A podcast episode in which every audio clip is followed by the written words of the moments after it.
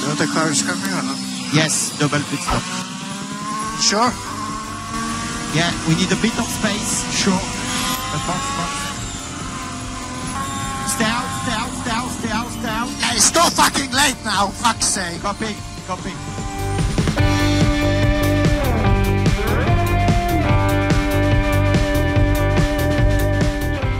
Jú, það er pittur Kimi Rækonin er komin hérna með okkur í pittin Já, Kimi Rækunen uh, senda okkur skilabóð og uh, já, hann var ekki, ekki, ekki sáttur hann vildi ekki koma inn í pitt og hann vissi ekki hvort hann hafði komið inn í pitt en hann, hann fór ekki inn í, jú, hann fór inn í pitt Jú, jú, við skipið honum að fara inn í pitt En hann var ekki parsáttur með okkur, það er rátt að segja það um, skrítin bresk formúla klárast Silveston uh, alltaf áhugaverð en, en núna þá virtist hún ætla að verða alveg ógeðslega leiðilegi fyrir utan fjóru og hálfa myndu Það voru átna 292 sekundur sem að voru sennilega þær skemmtilegustu bara sem ég hef séð í Formule 1 það voru svolítið spennandi en, en síðan voru ykkur aðeins fleiri sekundur þarna sem var sennilega eitthvað að leiða Það var bara Frakland í sko fyrra rólegasti maðurinn á þessum tíma var lýsandinn ég var ekki alveg að ná því Nei, því að ég bara ég stóð í sófanum og, og bara hvað er að gerast veist, þetta er bara já sko Crofty var ekki að gera gott mót fannst Nei, mér, ég var að sko. horfa á Viaplay sko Já, ok, já, ég var að horfa á þetta á bara F1 TV Já. Og Crofty var, þú veist, hann var að rugglast við sko bara, hérna, hann held að Hamilton veri búinn út að hann var komin á gamla raskablan sko bara, og hann er komin í marka þremur Ha, nei, hann er hálfa að breyta eftir Þannig að, já Já, magnaður kapastur uh, magnaður endir á kapastur allavega þótt að kapasturinn fram að því hafi verið ansi leðilegur dekja Já, já, slít svona- setti inn alltaf stóran uh, stórt streik í reikningin og þannig að allir sem er að hlusta á þetta um að sjá þetta þannig að við, við segjum alltaf bara hvað gerist en að það að Hamilton hafi klárað kapastur á bókstallega þremur dekkjum Jep. það er samt svo mikið meistarahefni í þessu það er svo ógeðslega mikið meistarahefni í þessu þessi gæi er svo góður að hann bara það fellur allt með honum bara eins og það að dekkið hafi hangið á þú veist, barðið var ennþá utan á þannig að bílinn lá ekki í jörðinni það hafði hann aldrei náð að svona, þú gera veist, framvængurinn var nú alveg sleikjandi já, en það er alltaf lagi, en það sem ég er að meina ef hann hefði bara lagst ón á sko. Já, já. fjöru ef þetta er þessu afturhjól, þá hefði aldrei gengið hjá honum sko. Nei, nei, því að þá bara ertu með framhjólun upp í loft og þú veist, bílinn ekkert bara að leggst niður sko. þannig að þú veist, það er ótrúlega margt svona þannig í þessu sem er, er svona ákveðin heppni, en málega bara það, þegar þú ert bestur og ert svona langbestur, þá ertu líka bara heppin því að þú býr já, til heppna ég segi það, þú býr til þinn eigin hefni Ég meina, hann var með 30 sekundar fórskot Ég meina, það er, og hann var með hérna, besta tími í tímatökum og, og allt þetta skilur að að- Vissulega var hann mjög heppin, en þetta er líka eitt af þessum momentum sem verður bara, við munum tala um þetta sko 50 árum eftir Hamilton er döður Já. Þú veist, þetta verður eitt af þessum, þú veist eins og Arton Senna kom í mark í Brasilíu með ónýtan girkassa Svo þú og, taka fram að Hamilton er þú veist þreymur eða fjórum árum eldri en ég sko, ég veit ekki hvort það er 50 árum jú, okay? blessaða verður maður en uh, ef við ræðum aðeins um keppnina og við byrjum á því að tala bara um uh, tímatökurnar Já, því líkur því líkur yfirburðir hjá Mercedes Já og bara hjá Hamilton, ég skil ekki þennan mann Lewis Hamilton, þetta er alveg hann var alltaf nummer 2, alla helginu, öllum æfingum og í Q1, Q2 svo Hann bara fann fyrir heyrðu the fans hann, hann fann fyrir the fans the fans en, og síðan bara heyrðu, já, býttu hérna skiptir það máli, já, býttu ef ég verður hraðastur hér, þá ræs ég fyrstur, já, gott, ég ætla bara þess að bæti 0,3 á undan Bottas Já, 0,3 og sko meir en sekundu undan Max Verstappen í þriða Já, þessi Benz er svo góður hann, Hann er- hann er er svo 0,7 sekundum hraðar en í, í fyrra, bensinn já, hvað með Red Bullin? Vorum hann við er með það? hægari hann er hérna. hægar en Já, þriðja. þú veist, þetta er ekki þetta er ekki bara benn sem eru svona góðir Red Bull og Ferrari eru búin að skýta svo harkalega í Já, degi það er enda, það er enda mjög áhugaverð einmitt greining sem ég heyrði á þessum daginn sem var nákvæmlega þetta, sko, ef þú tekur raun og veru Mercedes miða við mið, miðjulegin Já, já, og svona fyrir utan kannski Racing Point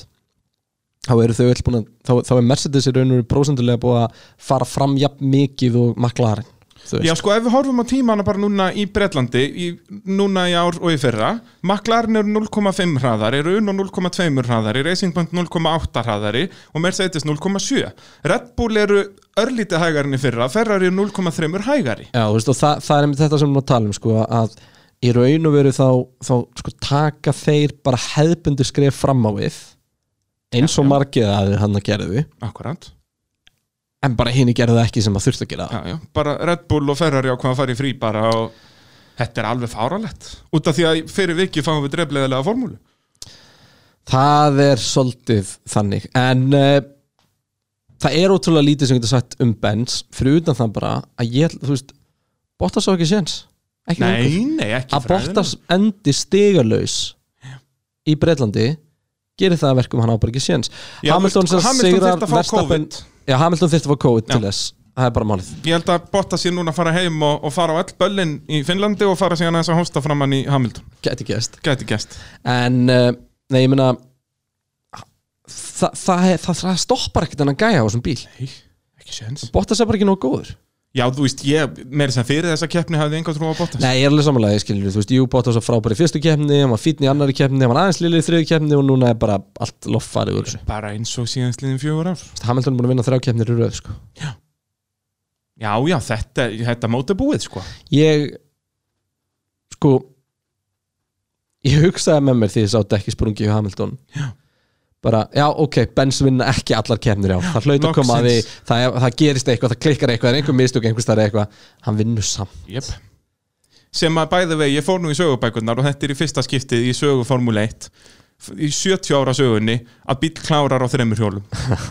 sko, Hamilton náði miklu hraða niður hangar streitt Ég sens að beinakablan enda fyrir af- sem sagt ekki ráskablan heldur Nei, hang, hindbeinakaflann. hangar streitt sem er eftir Magnus og Beckett svo Ég veit hvað náði miklum hraða en þú mátt segja mér það samt 230 km hraða Á þremur hjólum á þremi hjólum en það sem að mér fannst áhugaverðast við þetta bara Já. svona til að setja í samhengi hversu ógeðslega hraðaskriði Formule 1 bílaru síðasta hringurinn hans Hamilton var 1 mínúta og 55 sekundur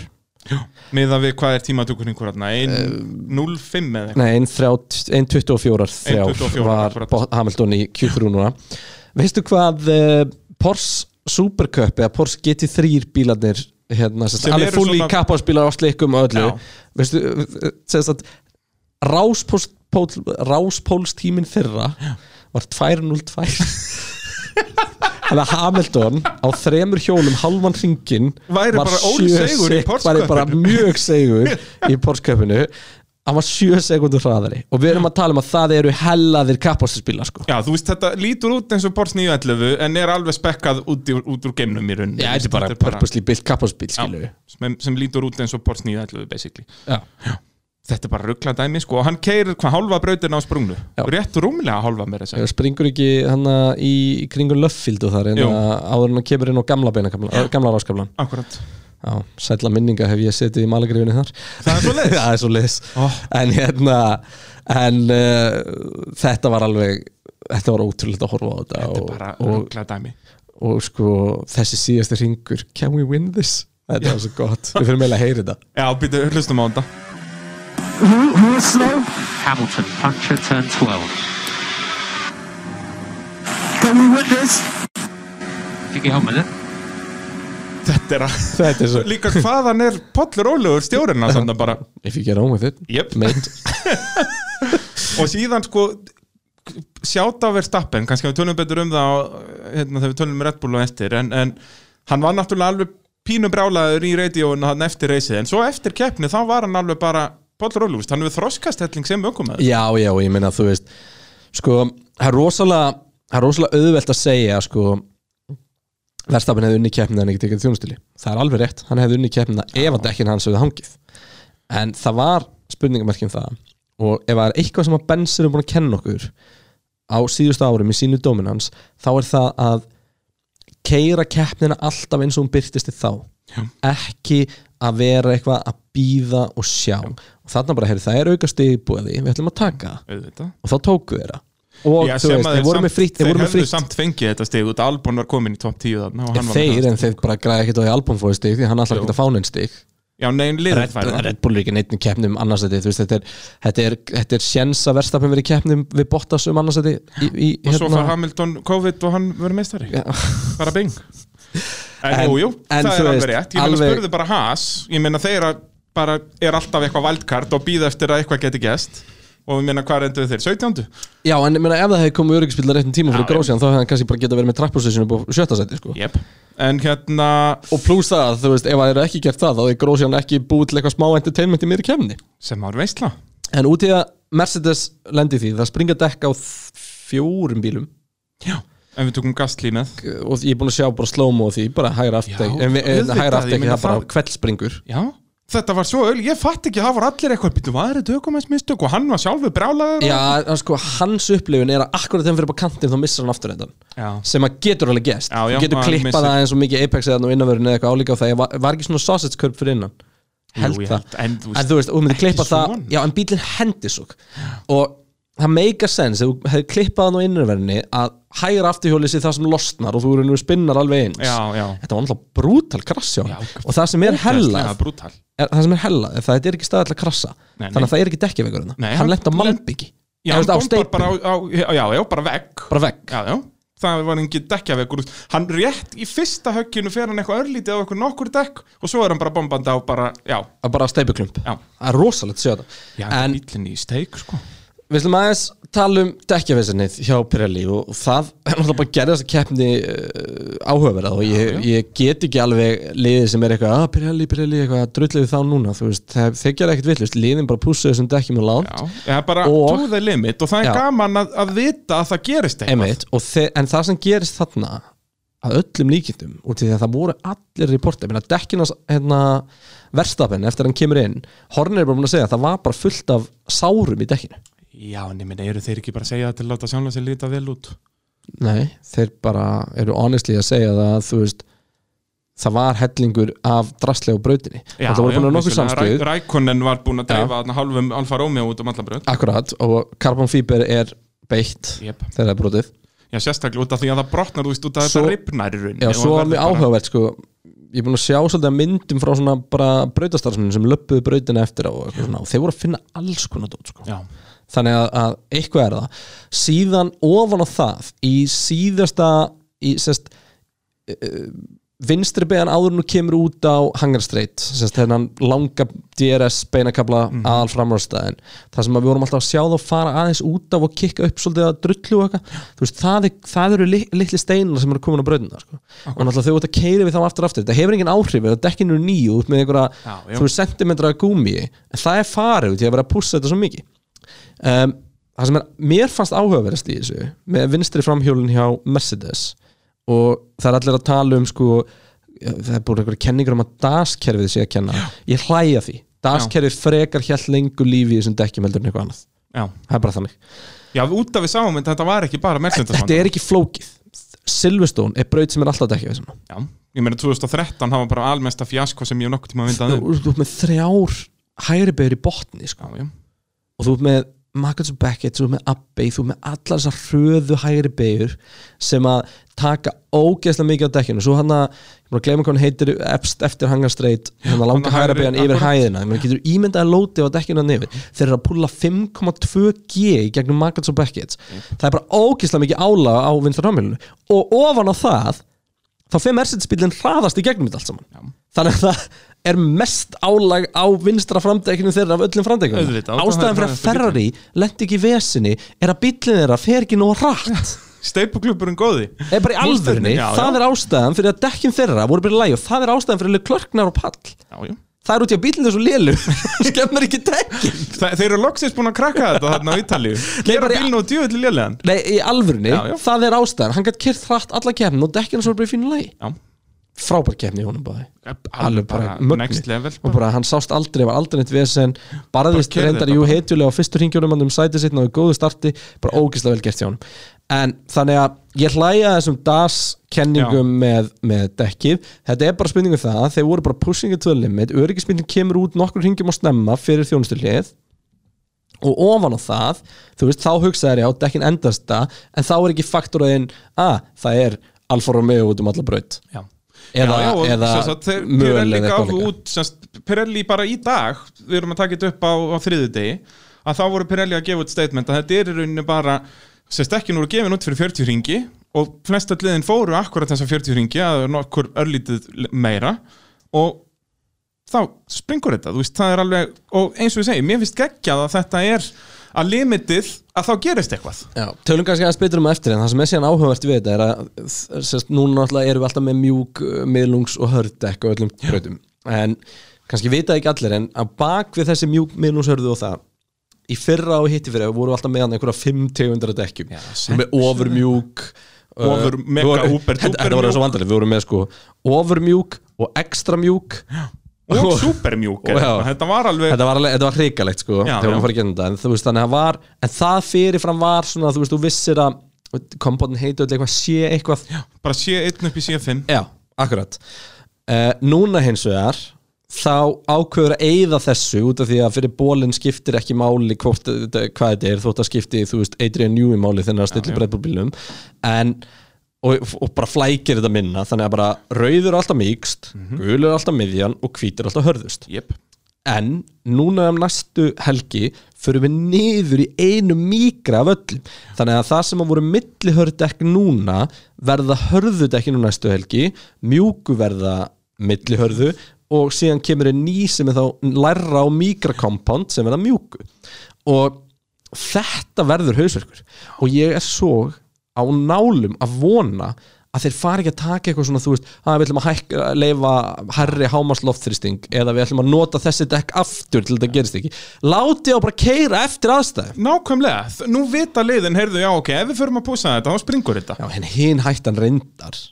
er að í staðin verður þetta bara eitthvað ultrakonservativ keppni þar sem engin þórar að púsa dekkjunum sínum, sko, já, sem en við ég meina viljum þá heldur fáum við ekki samt allavega tvö stopp vonandi bara þrjú, þú veist, og þá kemur einhver alveg strategi inn í þetta Já, það, ég, ég, Og svo náttúrulega ég, fáum við og, og við fáum garanterað einhverja öryggisbíl. og við fáum einhverja að taka sjensa yep. og eitthvað Haas svona, verða þannig að- þarna, þeir klára bygglega fyrstu tvö stoppi sín og fyrstu og öðrum ring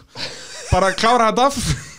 þú veist, þeir eru alltaf bara hérna, fara svo að regta ekki í restina Allir, já, nákvæmlega, allir eru að gera þetta Prófum að gera þetta Enda, þú veist, það er Ég fíla eina og það. Þeir hafa töluð um það í viðtölum fyrir þess að keppna að Þetta er basically bara strategið þeir í ár Að vera bara skrýtnir Við bara taka eitthvað offset alltaf Já, já, Netflix er á svæðinu og Þetta er mér gott grín og Gunther er, er, er letur Gunder léttil úr að kátur Djúðlar er eitthvað gaman að fá sér í glas með Gunther Hann, sko, ímyndar partíið Gunder og Rækonen og Pitturinn eins og Giovanazzi sagði til mann hérna, it isn't a party if Raikkonen isn't there Það er svo leis Það er bara, þetta, hérna, þá er þetta ekki partíð Þá er þetta bara Nei, fundur byrju, byrju, já, já, já, party without Kimmy is just a meeting Já, það er svo leis, það er staðfest Þetta er Alveg, allt og þetta var gott. þannig. Þetta er allt og gott En hérna, Mercedes allavega gjössanlega rústu þessu uh, Já. og- en Bottas bara ógeðslega óheppinn en hann var aldrei einhvern veginn í séns þetta var bara eitthvað klassist, Hamilton tekur fórustuna býti tvekja segunda bil, þetta Bottas var svo eldir fyndið að þetta var bara ring eftir ring voru þeir að setja met á brautinni þessast keppnismet alveg í svona 30 ringi streitt það var bara Bottas hann eftir ringur Hamilton svarar, Bottas, Hamilton, Bottas, Hamilton bara aftur og aftur og aftur, Það var og bara aftur. spurning um hversu langt að bak við Bottas Hamilton, nei, bak, uh, já, bak við Hamilton Bottas var upp á kjölsug bara þú veist, var hann að fara næri eða fjær út í Já, hún, já. þú komur og nálætt þá bara tapar og tíma Hamilton þetta var bara fullkomlega kert reis í honum hann Algjörlega. kerti, þú veist, þetta var svona 1,2 til 2 sekundur Já, hún vantaði bara ræðast að ringin í Grand Slam já, og hann var í fyrsta seti og hann, hann ætlaði ekki það, sko já, já, en svo bara, æ, við getum ekki tekið sensin á þessu neip Já, En, heyrðu, við erum eftir að tala um þetta með Mercedes út af við, á eftir tölum við um Red Bull og uh, þá ætlum við að tala um af hverju Vestappen stoppaði ekki uh, og akkur er vestamenn stoppaði Já, Já. af hverju í anskotanum stoppaði Hamilton ekki Var ekki bara pælingin það hann, hann meina, um leið og verstamenn stoppar þá fer Hamilton einhvernum tveimur eða þreimur sekundum hægar ringin sko. Þannig að var ekki bara pælingin að Hann hafði nægan tíma hann átti bara loka ringin eftir því að verstamenn fyrir ná næst síðasta ring Já, ég segi það, en hann hafði Já. nægan tíma til þess að stoppa hann fyrir sig Nei, hann er komin framhjá þjónustulíðinu þú veist, h- hann er þá já, menur, Nei, og, og þau- bara til að klára síðust, bara, bara til að klára 50.500 ring, menur Já, já, bara taka, en hann hefði náttúrulega aldrei fengið rá, hérna, ráspólun á því og þá ertu, þú veist þjónustillið er alltaf sén, sko, þú getur lendið að helvitis byssam bilar og þú nær ekki að festa Já, já, dekki á svo er eitthvað það annað. náttúrulega líka, að sko. ég veist að bensaði bara faktur að, herru, bara tapaði tíu sekundum á þessum ring og bara veifaði áhörðunum, sparkur, þú veist heim í stofu bara heim í stofu og hérna- já, já, og, og það náttúrulega líka út af því að Mercedes sá að þetta var ekki sérst Bottas var sá sem var búin að vera að grenja allan tíman yfir víbringi og Herri. vesinni sko. talandi um það og dekkin hjá Bottas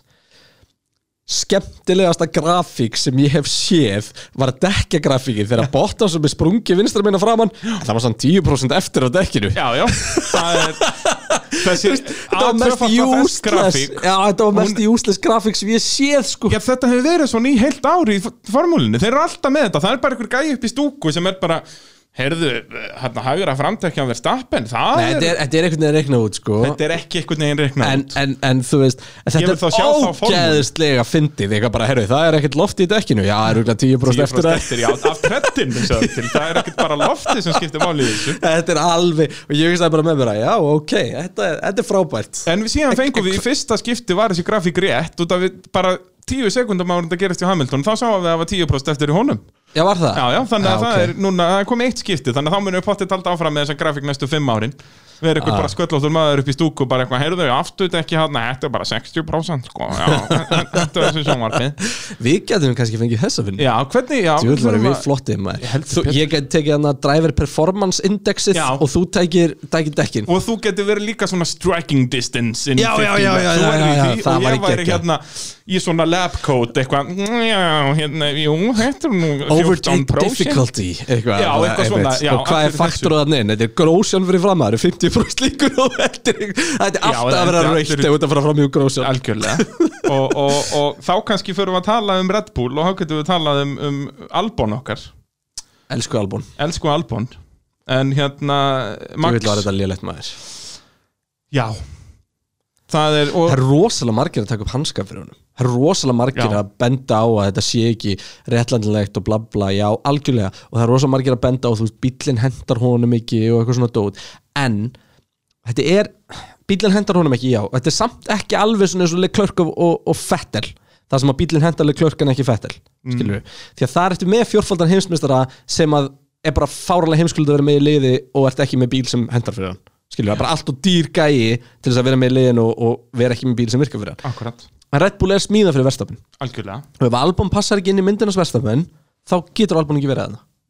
Já, en þetta er nefnilega sem mér finnst með Red Bull að að þá verða þeir alltaf í vesend úst, Gastli og, og Albon eru ég báðir held að frábæri Gastli rökum sé að vinna sér en að fara aftur Red Bull Já, þá verður þetta bara svona fram og tilbaka ég er ekki viss Heldur að Gastli munu komið að að vera miklu betri já.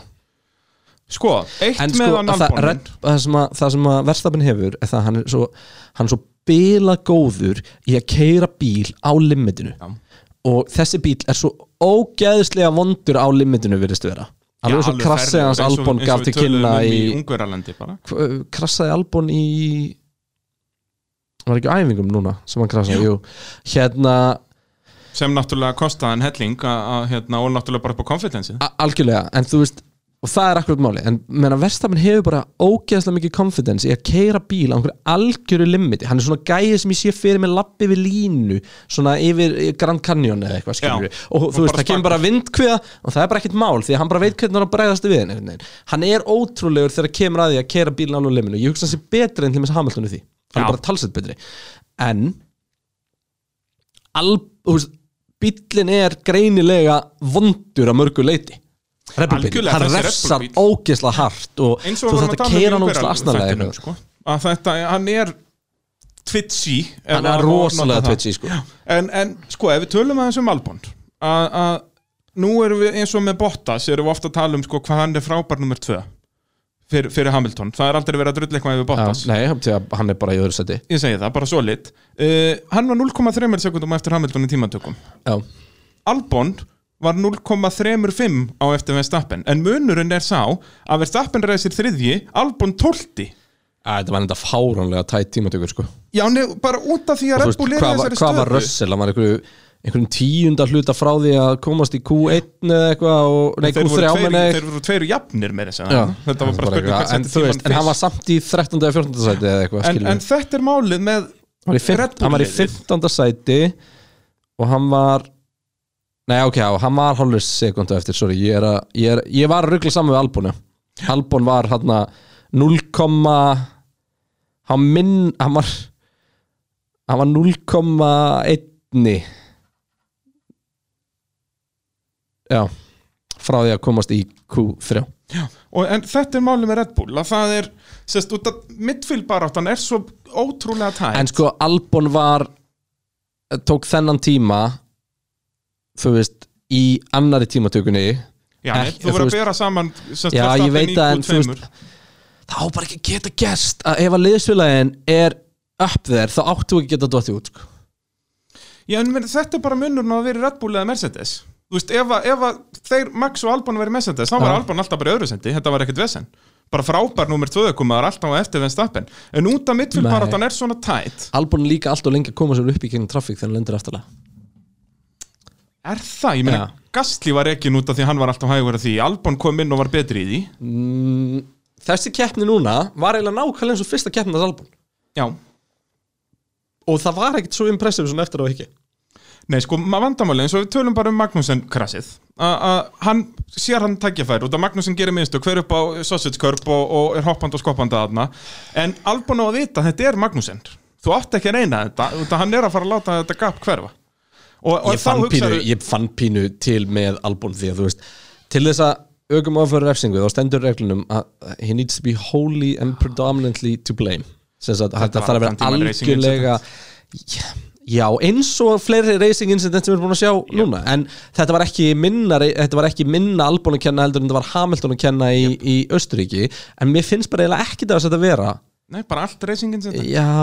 það er bara svolítið þannig mér styrir vera að byrja að vera ofgrimmir með þess að bara um Já. leið og er komið með þetta 5 sekunda dæmi, þá deila er því út bara eins og einhvers sem Já, okkur gulum spjöldum, þá voru nú hægri, þá voru nú gulspjöld í þessari kefni, Það er Grósjón rétt, fekk maður. gulspjöld Já, hvitt og svart spjald eins og þetta er í formule Já. 1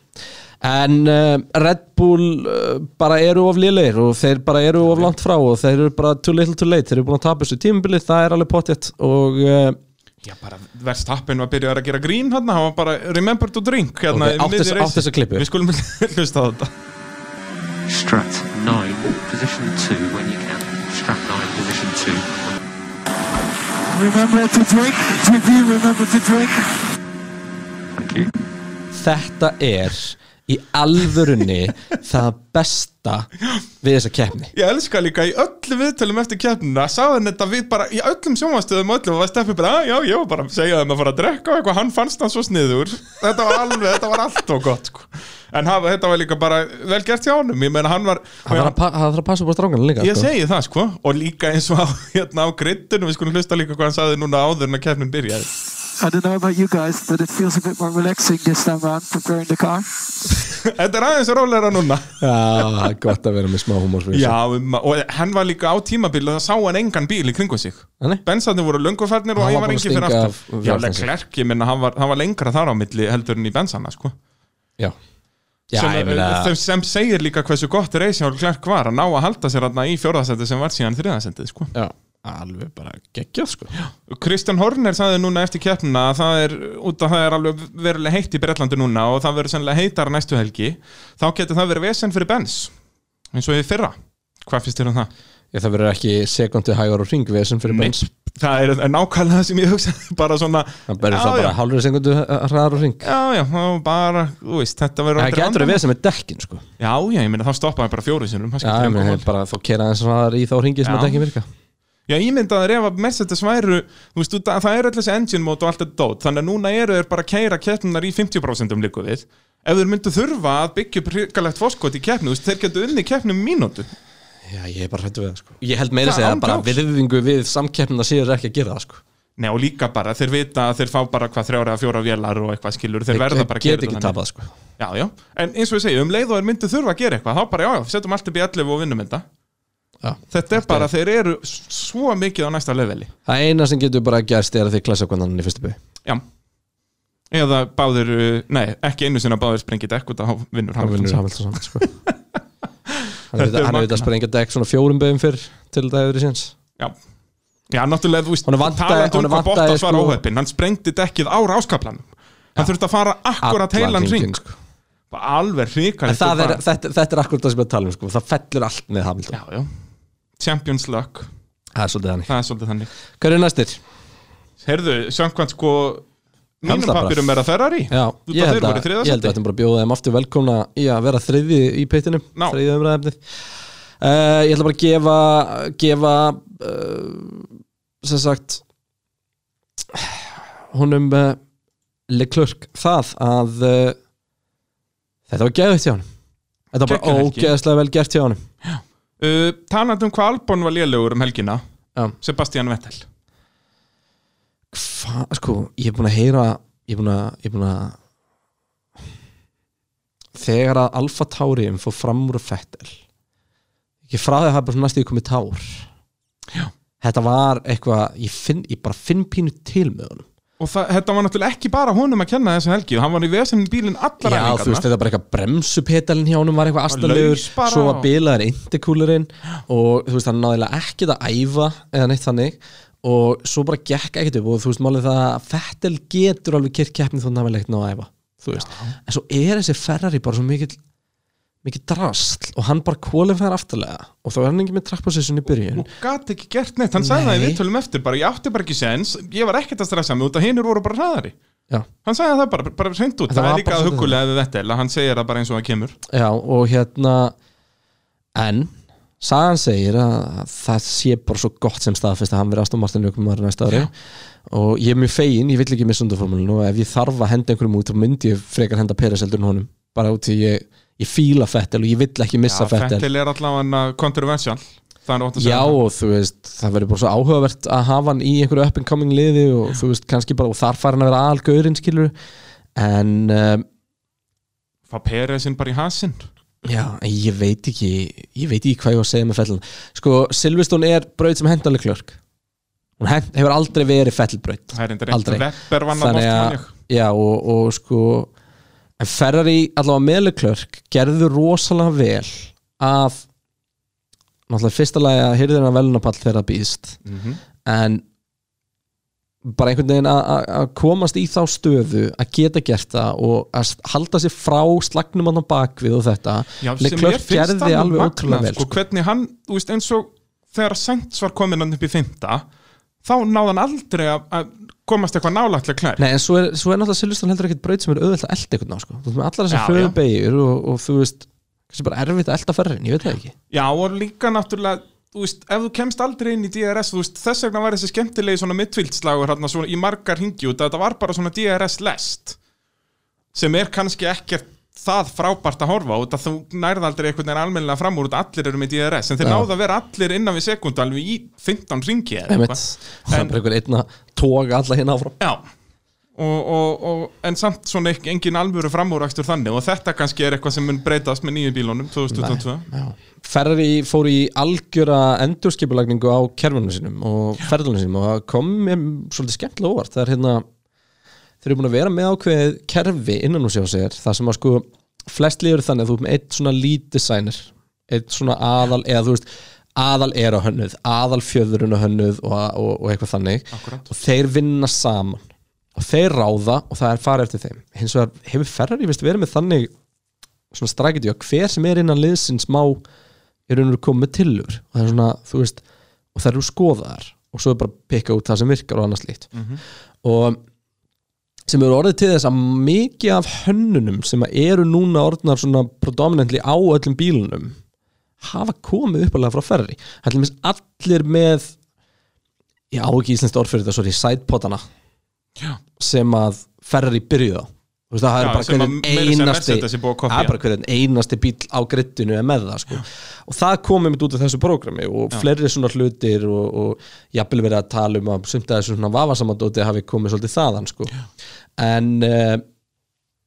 núna ætlaði það að henda því og bara Matti Opinotto er bara búin að henda því og það er bara búin að skýra línunar og bara, nú er bara komin eitt sem ræður, punktur Nú er og, Benotto ekki lengur technical director sem. Nei. hann er bara team manager eða þess að já. Já. og uh, þetta, þetta geti breytt einhverju, ég veit það ekki en, en væntanlega áttaði sig bara á því að við erum í ruglinu, við verðum bara að taka einhverja leið og við erum bara stikt út og, og bara vona það horfa á besta, sko. 2022 það er ekkert sem þeir geta gert Já, ég vona samt svo innilega að þeir nái núna fyrir homolegeringuna í haust að, Að rífa sig gera eitthvað þetta aðeins. Já, og, og síðan er þetta tokenkerfi svo flókið sko um, Það er eitt lið sem er algjörlega að sigra þegar kemur að þessu tokenkerfi, það er Racing Point því já, að þú veist á næsta ári mega þeir fá allt dótið frá Benz í ár eins og Jep. aftur fjörunina sem ég veist einhver algjör snildi á Benz þeir geta bara fengið hana, fengi hana bara og bara frýtt rífaður upp tracing paperinn og allir löðrandi léttir ég þurfi ekki einu svona að gera það, þeir bara þeir geta fá bara út af fengið hana bara þetta- já, já, hún þetta er fjörunar komponent Þannig að það er svona, það er ímislegt í þessu og, og já, og þá er líka sko, þá eru Benz búnir að nota tókin í að þróa það já, já, þannig að þeir fá það frítt og geta þá Jeps. nota tókinni sitt í eitthvað annað sko. meðan að þú veist, hlimis McLaren þurfa að eyða öllum sínum tókinum í að koma Eh, Benz koma Willi. bensvíl í, í e, uh, aftur í skotið sko. þannig að, þetta er svona pílflóki en, en bara náttúrulega klára ferðar í þeir björguðu þessari helgi og ég man ekki hvort ég s- var búin að henda þið fram með þetta var í s- einu velunapallarinn sem við sjá færri á þar tróðu þá allavega sokk og nýttu sér mistökinn hjá öðrum og, en allavega ástæðan fyrir þeir eru þannig er að það var ákveðin bleikum mersita sem var bara í drullinni sko Já, við náttúrulega tölum um hann en það er langt þangar til við tölum um Já, hann langt þetta hann þangað var til. svo Það er bara neðalega manninginu sinni hvar að maður sko En þá er það næst bara Runó geggjuð keppni hjá Rikki Ardó geggjuð keppni hjá Rikki Ardó Heldur betur hann hvað ræsir uh, áttundi og klára fjórði geggjuð stig fyrir hann og bara þeir hafa ekki gert svona vel lengi Þetta er, sagt, þetta er jafnaði, ja, besta árangur liðsins eftir að koma aftur inn fjórða og sjötsæti Já, sest, allan að fjórða, ég veit ekki hvort að hvort er ekkert með fjóra og fymtu eða eitthvað hann Já, Já, er þetta ekki það- bara Monsa hérna, hvað var það í fyrra að hitti fyrra? Jú, að það ekki fyrir Þá bara voru náður fjórða Já. Þannig að- að, já, Ég algjörlega hefði geggju ég hefði helgi verið til þess að Rikki Ardó balli Ó, hvað hefur verið geggja en uh, bara geggjuð keppni þeir bara það gekk- Okkon gekk- líka bara nokkuð solid Já, já, hann er bara gefgúr og hérna, já, bara frábært en einu sinni enn þá höfum við samt eða ekkert um það að segja því að þetta var rosalega svona önnivenntfúl keppni, jú, Ríkjard og átti flotta framúrakstra hann, Já, hérna, og bara svona klassik Rikki Ardó Loksins að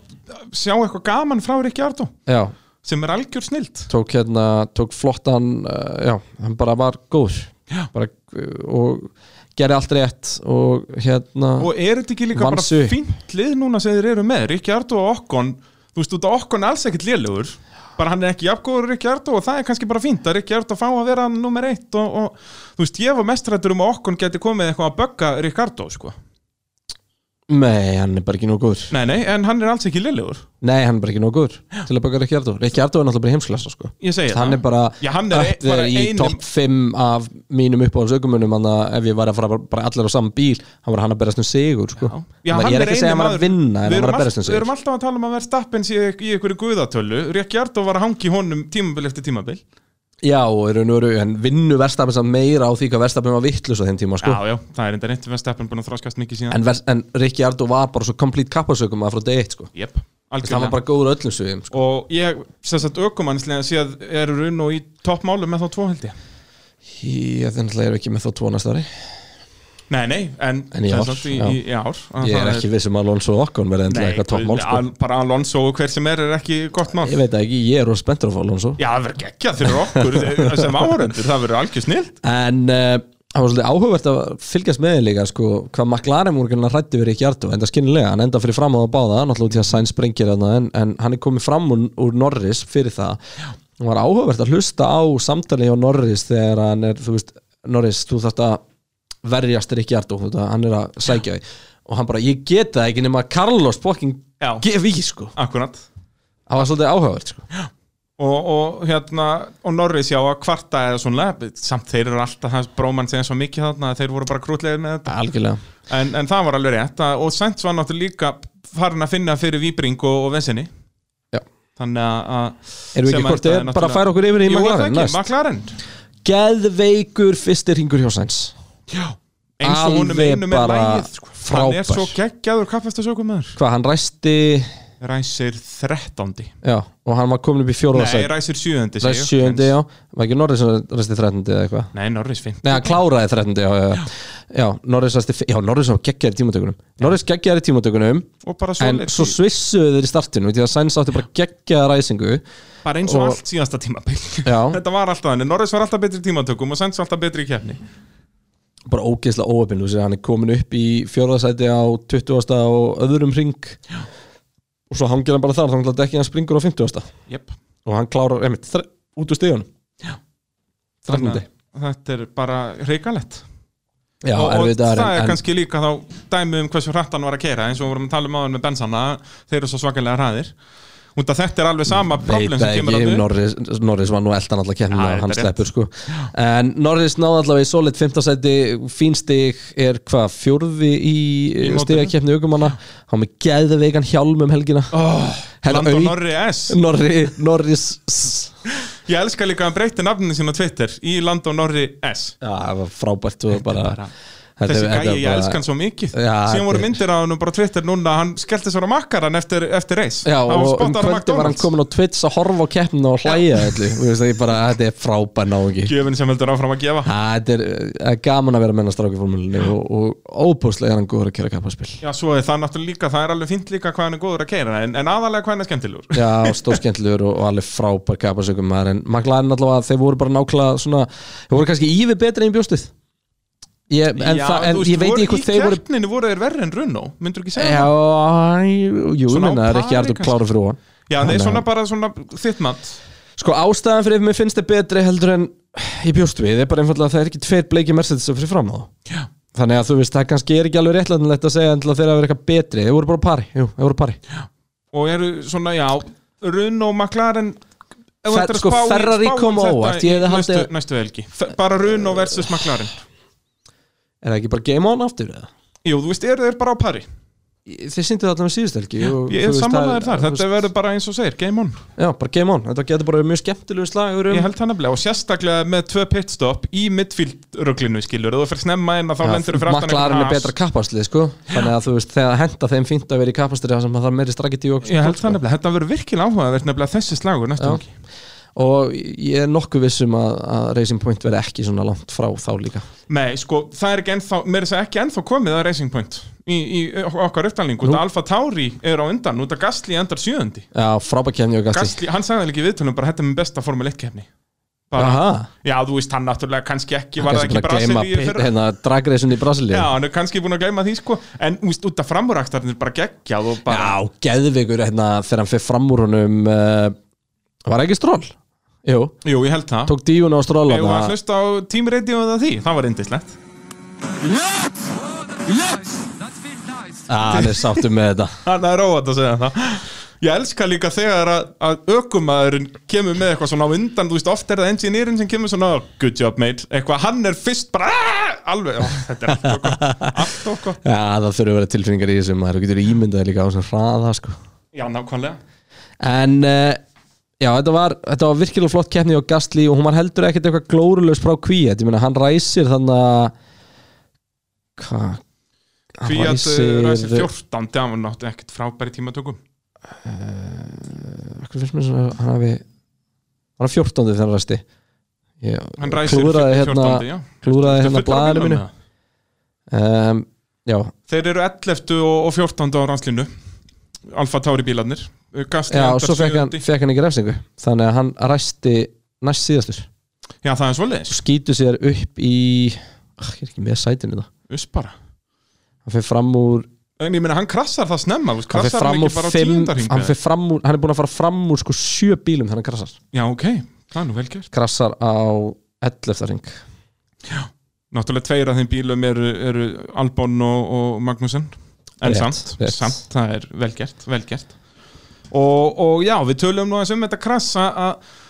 þetta var bara Þetta- ljótt krass sko já, virkilega hefði, þú sér líka all, allt, sem sagt, allur framöndin fyrir að bílum, þetta var ekki En bara á engurinn. tókst það eftir, því, bæði þegar Magnúsin krassaði og Það þegar er rétt. Kvíat krassaði Þetta ekki dettur af. nei, ég var reyndar ekki, alltaf ekki að tala um það sko Nú, já, já. ég ætla að tala um hvað þeir voru ógeðslega lengi að recovera bíluna og koma kemni í gang aftur Sko, ég skilða með kvíat. já, bílinn var náttúrulega á Stað sem að að þreymur enginn kílómetrum krassa- já, líka já, bara já, bara- þryggja kílómetra kabla sko. Já, já, næsti hérna, JCB grafa þarna var bara í ö- öðru fyllt Já. sko. en, en já, kannski Magnús er áttuðu nú að vera betri Já, veist, þetta er Silveston sko. þetta er ekki eitthvað Monaco eða eitthvað bara það sem- Bakú eða eitthvað já, þannig. já, Þú veist, í Monaco er með, þessa, Monaco er með þannig kerfið með litla krana á öllum hotnum sko. það er rétt þannig að þeir eru engast undir keppbílum en þannig að getur brautin bara lokast ef það er bílstopp sko. en þannig er þetta bara með þú veist bíl ákveð það er ekkert að íta þeim eru, eða, þú veist, Magnússon er alltaf bara fastur Já, og já. kvíats bílinn er alltaf bara það ónýtur hann er bara eins og ég skildi reyndar ekki að lappa eitthvað að mynda vel nú ítinu eitthvað, eitthvað, já, eitthvað. hann var svo, hann var svo handvissum að þetta var honum að kenna Já, ok, hann var fúldið sjálfum sig alveg bara, og hann, maður heyrði það líka í tím reytjónu, hann var alveg snældu vittlust Já, já, maður var alltaf búin að krasa þegar hann búin að beðast afsökunar já, já, bara sem er svo farlegt út að bara, þú átt ekki geta að krassa þarna sjálfur Nei, en það er væntalega ástæðan fyrir hann skamma sín sko. já, já, Ég held að ástæðan fyrir ég er bara hann er akkurat að klippa körpið þegar hann snýst þannig að þið líður eins og að gert eitthvað svo Já, svona já, spurning það var hvort bara að mist hann. tilfinningin sé eins og að við komum högg á hann einhvern veginn þannig að ég, ég skil hann þar ég held að við erum mjög fegin að sjá þetta var ekki sérkenna já, já, og síðan eins og meira að segja ég það var var að svona lesa fréttir í klassist dag krassi sko í rigningu þú ferði upp á körp Já, og það er blöitt já. og bara, bara spinnar. eins og hann Þú veist, hérna bara svo hvað hérna allir í- Runo aukumæðurinn sem er núna að vinna fyrir BBC Palmer Já. á Monaco bara þegar hann er bara á beinum kabla og fer yfir svona zebra crossing bara Einmitt, sem búið að einmitt, mála og bara brautina og bara snýst, missa já. bílinn þetta var ekta þannig Já. og, og, en síðan fannst mér skrítið bara fréttir í dag þá er liðið ennþá eitthvað heyrðu, já, við höldum að það hafi verið sprungið dekk sem að var valdurinn að þessu en ekki Já, ökumannsmist þú veist, það er Eins bara og þetta nóga sé- vídjum og netum til að sjá bara hvernig þetta bara skólabokadæmi bara ekki alveg nema augljóst. að það sé bara eitthvað bannað að beigja til vinstri á þessum bíl Já, kannski Gæti verið Hver eitthvað veit, þannig. Hver veit, kannski er Bjarni Benhanna bara þú beigir ekki til vinstri já, Hvernig fannst þér þessi pólitísku húmor hjá mér? varst um það alveg Bjarnar BN Politikus, ég held að um það alveg Bjarnar BN DJ Nei, nei, ég held að þessi brandar eiga þetta skilið Nei, kannski frekar þetta Ég er hún svo góður á tökkunum Nennir að rétta mér þetta borða þannig, ég vil ekki að þú sér með þessa daga Heyrðu, Alfa Tauri, það er nú ekki mikið hægt að segja meir um þá en það Nei, bílinn er bara flottur en hann er bara ekki nóg góður hann er aðeins betri heldur en uh, Williams og Haas og Alfa en, en ekkert annað Sko, einn punktur sem ég kom með hérna út af við vorum Það að tala reyndar, um jú, það um daginn. Gastli fór fram úr Fettel náttúrulega líka Já, hann endar sjöundi í keppninni Já. A- a- og og punktur sem ég voru að tala um daginn hvort er Alfa Tauri lélega, eða, semst besta lélegasta liðið eða lélegasta middurliðið besta liðlegasta lið En Ég þeir, er þeir, þeir, nefnilega komin... þeir komin- núna eftir þessa keppni voru þeir að krafsa í að vera liðlegasta Já, miðlið ég held að þeir getur farið að krasja það að vera lélegasta mið- sko miðjurliðið Ótrúlega skemmtilega pælingar verið að tala um þetta Já, ég menn eitthvað verðum að tala, við Ah. getum líka að tala bara um að þetta var sjöundi heimasigur Lewis Hamilton nj, nj, nj, nj, nj. en ennum við því, Líka, kannski gjörum bara bæði Herðu, þá loksins ég komið að Racing Point Já, Það tók okkur 45 og mínútur það að- var að fara að tala saga um það. helgarinnar Racing Point því að Sælla sem sagt, minning. setni part 50 dags fær Hulkenberg símtal um að hann bara kannski þurfa að keira á morgun nei, var að, það var fyrri part 50 dags hann, hann lendir í Breitlandi um kvöld á 50 degi Já. er kli- fer beint í COVID-test sem er ekki er klera tíu myndu fyrir fyrstu æfingu eðir nóttinni að stilla sætið fer í tímatökur nær klukkutíma og í bílinn simulator. startar ekki og, bí- já, og, og simulatorinn er ekki til þess að æfa sig að keira það er bara til að læra hvað takki gerir hvað á stýrunni hjá Já, Racing ég veit að Point Hann sko. náttúrulega hafði ekki kert Já. Racing Point áður og uh, þannig að þú veist það var saga helgarinnar Peres þess að greinist með COVID hann er einkennalaus samt sem hann er með einkennalaust COVID og uh, fær COVID eftir að hafa farið til Mexiko og sagan segir að hann hafi farið til Mexiko til þess að hitta mömmu sína sem var að koma til spítala sem er alveg rétt ah. en haldu verð, það er ákveðnar kenningar á lofti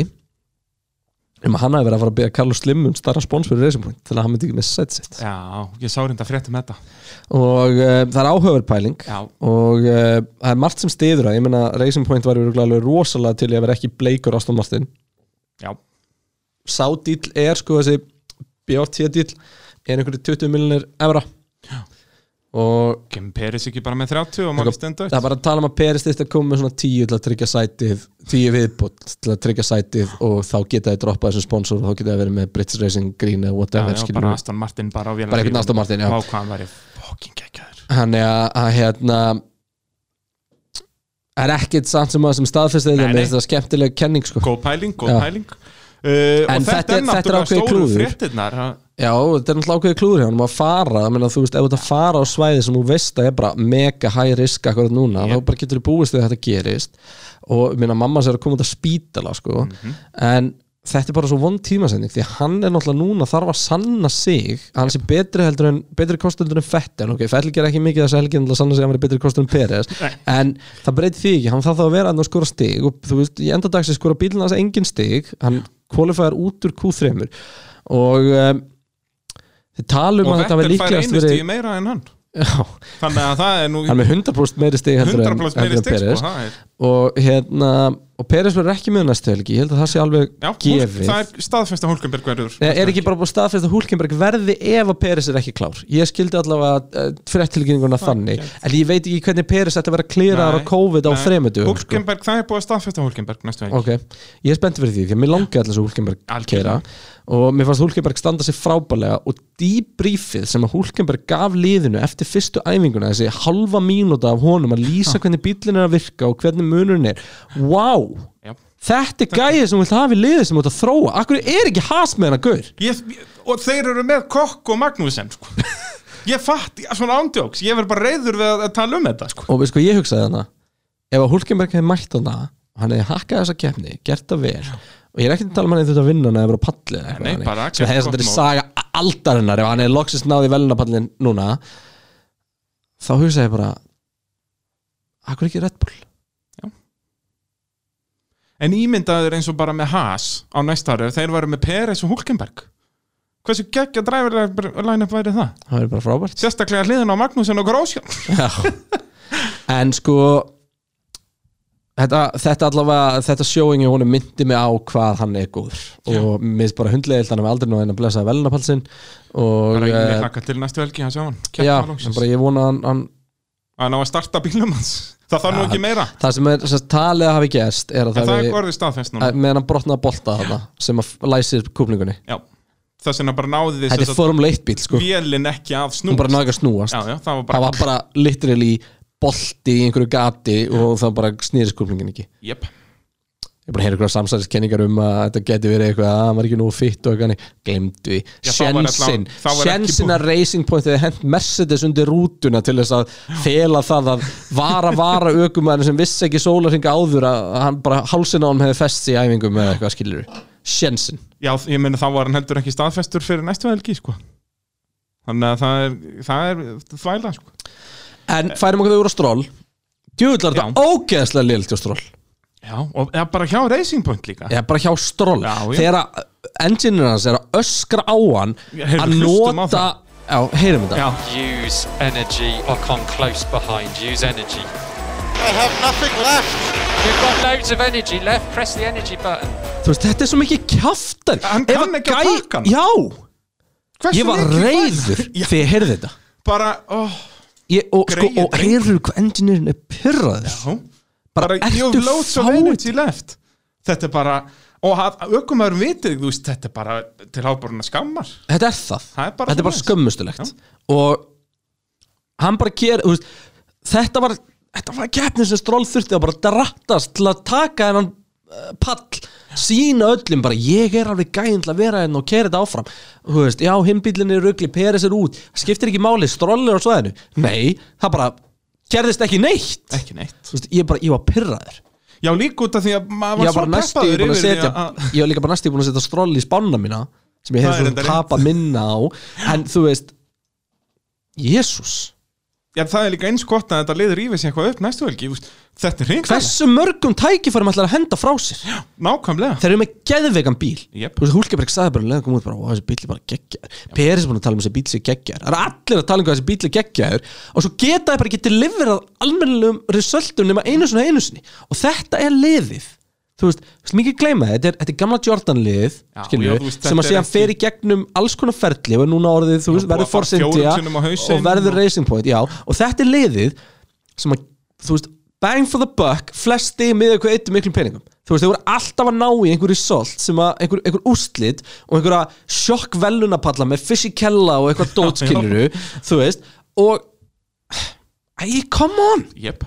gerið þið betur Sérstaklega út að núna er þetta fyrirtil í gangi með að þeir eru bara með, þú veist, likku við annan besta bílinn á já, grindinu og bara fá hann frítt og fá hann frítt á næsta ári líka og bara, þú veist, gerð þið eitthvað Nákvæmlega, þetta er svona, mér langar að vera pota svona prikk í þá, bara, ný, gerir En það veistu, eitthvað veistu með hverjum uh, Ottmar fór heim á brautinni Ottmar sem sagt stjóri Opnar Racing Safnáert, Point ég veit ekki vettel Já, En það er svo leiðis, fóru saman í Ferrari yfir þú veit alltaf bíltúr gott gísk Það var svo Það gaf var- eitthvað gott walk of shame eftir að við þetta ekki Já, maður spyr sig, sko, Maður spyr kannski sig. að vettel með eitthvað nammi, hvað er þetta í bíl? Nei, Ottmar Það var að opna nú, En veistu ágæðin bíl, veit það ekki Ferrari Það er svo Þetta er leiðis, alveg ógeðslega flottum Ég sá myndir að það maður setjast inn sko þá eh, opnar eftir að kaupa sér Aston Martin fyrir næsta ár Já, Það er eða, svolítið svoleiðis eða að fá hann- Aston Martin Eða fyrir fá næsta Aston- árs Já. En uh, Racing Point oh, Ég var bara, ég, bara, ég var pyrraður Mér Já, langar, þetta er mér langar ég er að býða eftir að ef að Hulkenberg uh, síkist þá skilst mér að ég sé næstur á listanum Já, það ekki Jú. Það er hérna og ég er Ógeðslega spenntur. að fyndi hérna uh, hann hérna uh, Giedo Vandergaard hérna á, á Twitter er algjör kongur hann allum leið sagðist þar að koma með síman Jenson Button sá líka tækifæri bara hefur búin að týna símanuminu minu og eitthvað svona en uh, í grunninn þá bara hendiði stról út og takið vettilinn þar bara haldið Peres Ég eða bara Ég er bara að halda Christian Hulkenberg eða Einar eitthvað, þú veist. Christensen Ert þú ekkert búin að vera að henda Twitter messageum á það? Nei, ég, ég, I'm hérna, available, ég, þarf, guys. ég þarf að fara út að hlaupa aðeins eftir COVID sko. Já, En ég, aðeins meni, ég bara geri það bara þú segir bara uh, Brian has told me it's okay if you don't record the pit next week Já. I can drive the Akkur Mercedes tala ég allt í unum með með Texas að einhverjum hreim svona, já, eða svona eh, pínu vangifin Texas maður Já, svolítið þar Já, það er góð spurning Já, Þetta er bara, skemmtilegt þetta er bara útlenska kallum Já, það er útlensku, já, Bara ég tala ekki educate útlensku yourself. Ég tala ekki útlensku, sorry Snertum ekki að þessu Heyrðu, næstir á lista í okkur er Williams Já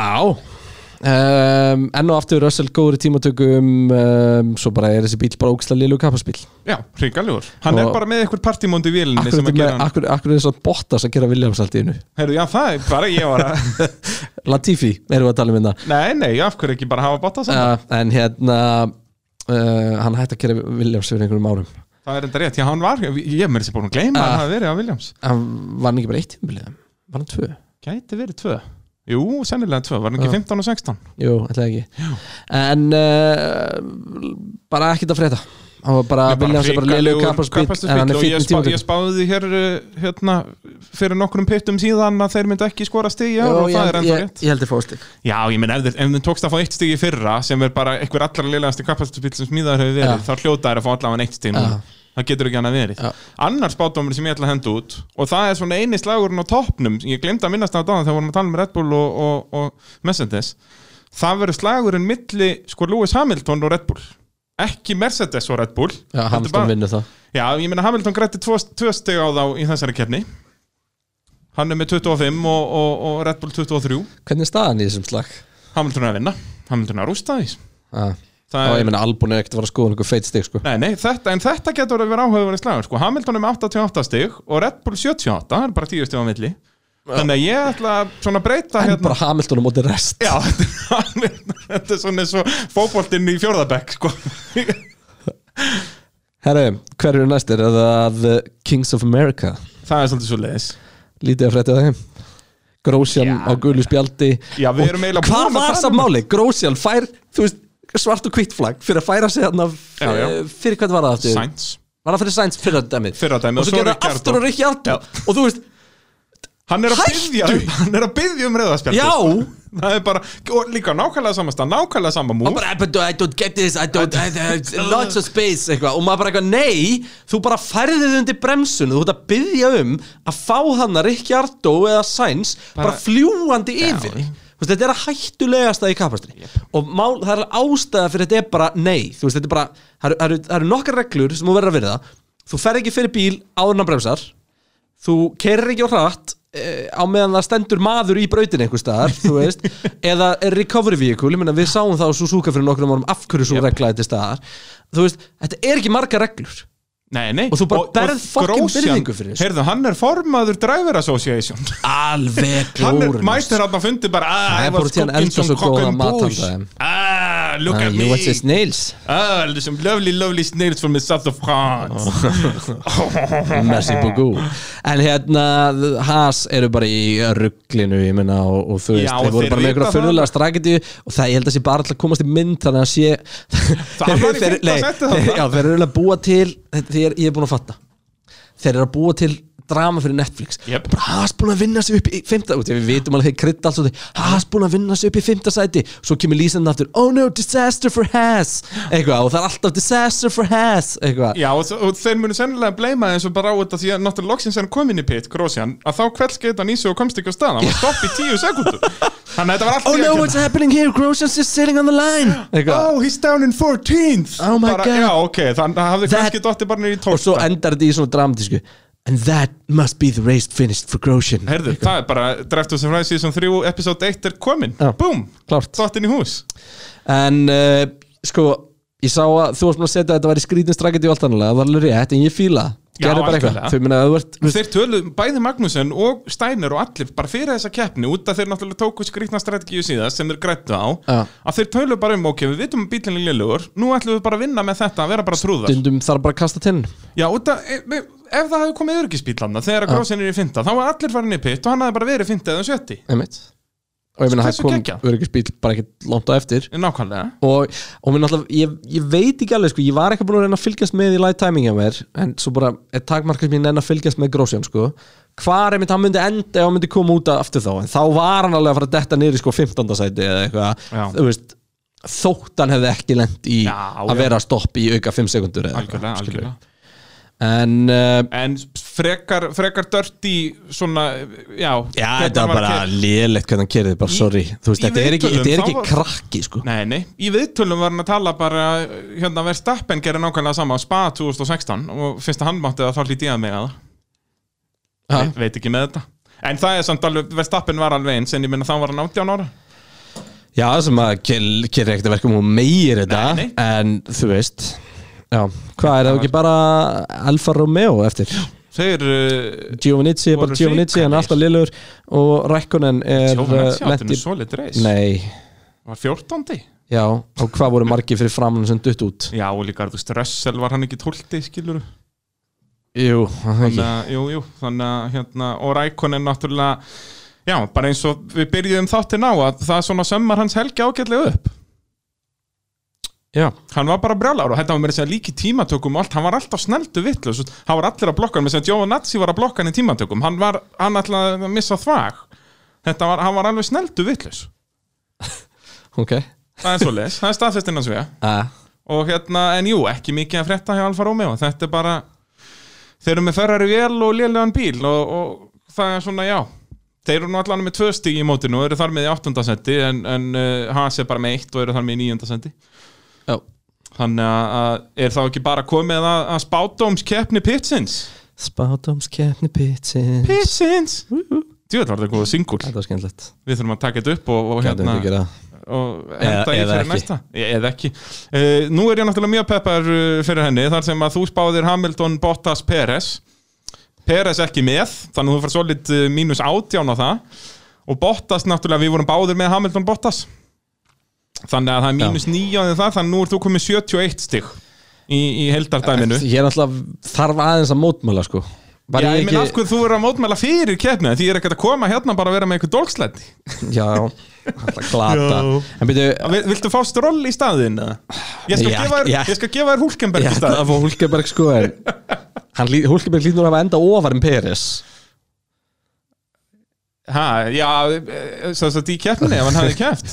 Ég veit það ekki Ég, veit það, ekki. hann ræsti aftar, þannig að það er spurning, hvað er spurning? Herra, áður en við förum í Um, Þú um, ætlar ekkert að lefa mér að segja hverju ég spáði, ég veit að ég var Nú svo vorum sniður við ekki búin að því, ég nefndi ekki að hlusta á meðan það Nei, var því, nei, ég vissi hvernig en- niðurstaðan er Auðvitað ekki, sko, en, en, en Þá uh, förum við yfir í næsta dagskurleif Jæja, dómari. Og uh, ég var með þetta harrétt þangað til öll dekkin fór að springa, það er Já, svo leiðis, Hamilton Bottas Vestappen, Já. þannig að ég fann bara hann að mínus tíu, Verstappen komið samt á óvart að hann gæti þú veist, ég átti ekki vona því að Red Bull myndi vera samt ég er eða sammála þér. Verstappen myndi vera þetta sterkur og var líka alveg bara mjög obviously þriðji, þetta var Já. ekki, hann var ekkert eitthvað að berjast vilja Ah. Þannig krakka að- McLaren en ef eða við ætlum að spá fyrir næstu helgi þá hver þarf- byrjaði síðast Sko við þyrftum eiginlega núna að breyta þessu Við þyrftum að spá um fjórða til sjötta sæti en ekki fyrsta til þriðja Hvernig líst þér á þá reglu? Það er miklu áhugaverðara Já, en við Þetta er gætum- við alltaf gæ- bara Hamilton Bottas Verstappen skilur Já, þetta er bara spurning um Bottas og Verstappen sko Já. og hvort einhver Yes. bilar Já, ég segi, Þetta er en bara við spurning munum alltaf hverjir spá bila, sko. þessu Þannig að er ekki málega að við breytum þessari keppni yfir í fjórða til sjötta sæti Út að þá verður þetta alveg flakkandi upp og niður hægri vinstri Hvernig líst þér á þessa hugmynd? eh, Christian? Ok, um, Hamilton, Bottas, Verstappen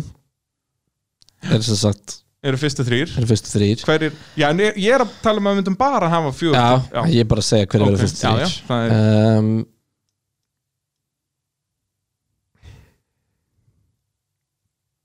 Það er þung stemming í þetta, er, stúdíóinu. þetta er ógeðslega erfitt sko því að þú veist, það bara Já, já, þetta er vonlust Mér finnst báði Racing Point komandi greina í fjórasæti Er það? Já, mér finnst komandi greina að Hulkenberg geti skilur um fjórasæti og ég held að Stroll muni gera betur en næstu helgi um, En núna var þú veist Leclerc þriðji sem að því er að hann átti að vera fjórði sem meikar samt ekkert sens og ég hef enga trúa endilega sé að fara að gerast eitthvað reglulega Á ég að byrja Já, byrjaði Ég ætla að segja Sainz Já, ég var komin á það nefnilega líka uh, uh, Sainz Leclerc Ricciardo Heldur að Norris verið ekki þannig og heldur að verið engin bleikur message þannig Ég ætla að segja erum við ekki bara að gera það þá þannig að ef einhverja af þessum topp þreymur dettur út þá bara færist allt upp um einn erum við ekki bara að reikna þetta þannig þú veist, Nei, nei. frekar farið mínustig ef að, ef að, ef að Sainz endar í þriðasæti Já, já, þetta verður að vera bara samkvæmt stöðlum um, ég, ég, meina, ég, þá ég, munum nei, ég, er- við ég, báðir er- fá sömu mínust nei, ég er bara að meina þú veist, erum við ekki bara að fara að horfa á þetta sem bara Formule 1.5 bara hver vann Formule 1.5 bara fyrst, annað og þriðast þetta í Formule 1.5 ég, ég legg Já, þá bara þurka út Verstappen Bottas Hamilton já. Eh, og en Albon er samt partur af 1.5 Já. já. Jú, jú, gera það ég held þetta verði Albon ég, ég kemur klikk í penna, ég er svo spenntur mér langar svolítið að segja Hulkenberg gera það Hulkenberg Ah, Norris Ú, þannig að vera það er engin nöfn þau sömu sko, en, en þetta, þetta kemur allt í greina Eh, ég segi það, og þetta er að skemmtilega að hætta þessu topp 3 en bíti, bíti, bíti, bíti, bíti þú segir að þessi búið að staðfesta Hulkenberg ég veit að Hulkenberg Já. eða Peres ok, eftir því hver verður ok, ég skal gefa þér það Já. Hulkeberg eða, eða Peres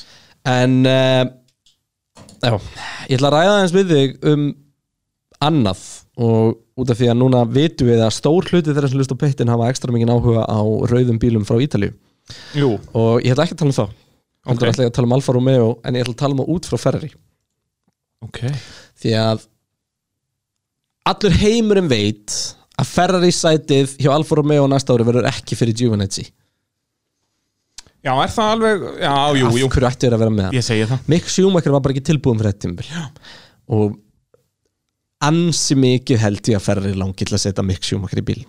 Já, og bara öllum í heiminum vill sjá það gera en það er bara djúðis vissin því að þeir eiga allavega tvo aukumenn sem er að hakka hann í formule 2 akkurat núna bara Það er sjálfur svoleiðis Já. þeir eru í fyrsta lagi með gæjan sem er bara að standa sig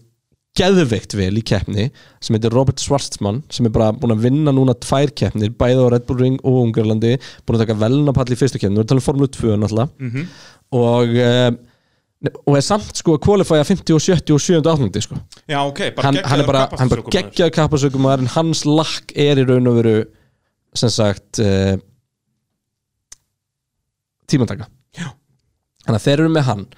svo eiga líka gæja sem heitir Callum Illot eða Iot eða Illot eða, Jú, hann er, já, alveg rétt Mm. og uh, viltu gíski hvað sæti hann er? Í bara Formule 2 mótinu Já. Ég veit það ekki hann er í öðru sæti Já. þannig að það eru komið tvo ferriökumenn sem Hvað að er Mikki í Formule 2? Mikki, Mikki er níundi Já, eftir núna fjögur reis og ég ætla að gana fram Robert Schwarzman er sko unga barn, Já, það er hann svoleiðis fættu 99 og þetta er fyrsta tímabil hans í Formule 2 Ok þannig að hann er bara að stimpla sig inn sem bara að vera ógeðislega heitu biti fyrir næsta ár og sko það tímabil er hálna allavega af þeim keppnum sem er búið að gefa út sko. þannig að Já, eh, þá myndir aldrei velja Mikka undan er sko Schwarz- Mick er með helmingi færri stig heldur en Robert Schwarzman Og Robert þetta er Schwarzman annað tímabil hans 81. í Formúlu 2. þetta er annað tímabil sem Formule 2 Hvað er hann gamall, Mikk? Eh, er hann ekki Mick 23 er- eða eitthvað maður sjá Mikk er fættur uh, neða hann er líka 99 Nú, já, já en þannig að þetta er ógstað flókið því við getum alveg gefa okkur það að markaðstelt ferri langar rosalega til að setja Mikk Já, Schumacher inn auðvitað en hann er bara ekki tilbúin sko. En ég minna, Virðist verði ekki vera. bara tvö senti laus hjá Alfa næsta? gæti náttúrulega verið sko. en þá ertu samt með tvo gæja sem er að standa sem sem eru miklu betur betri eða mikið, já, já Þannig að þetta er uh, conundrum Mikk Schumacher hefur nefnilega aldrei einhvern veginn, þú veist, ef hann væri ekki Schumacher þá væri enginn að flyggast með hann Þú Algjörlega veist, hann er alveg fýtt kapasökum hann getur Já, unni já. keppnir en hann er ekki F1-vá sko. yep. Hann er- Þess vegna og- fara og- líka massa respekt hvernig hann gerði það fyrirpart ferilsins að þá kallaði hann sig Andri Sjúmakar Nei, og sko fyrr, eða sérst, síðasta tímabili var ekkert sérstaklega merkilegt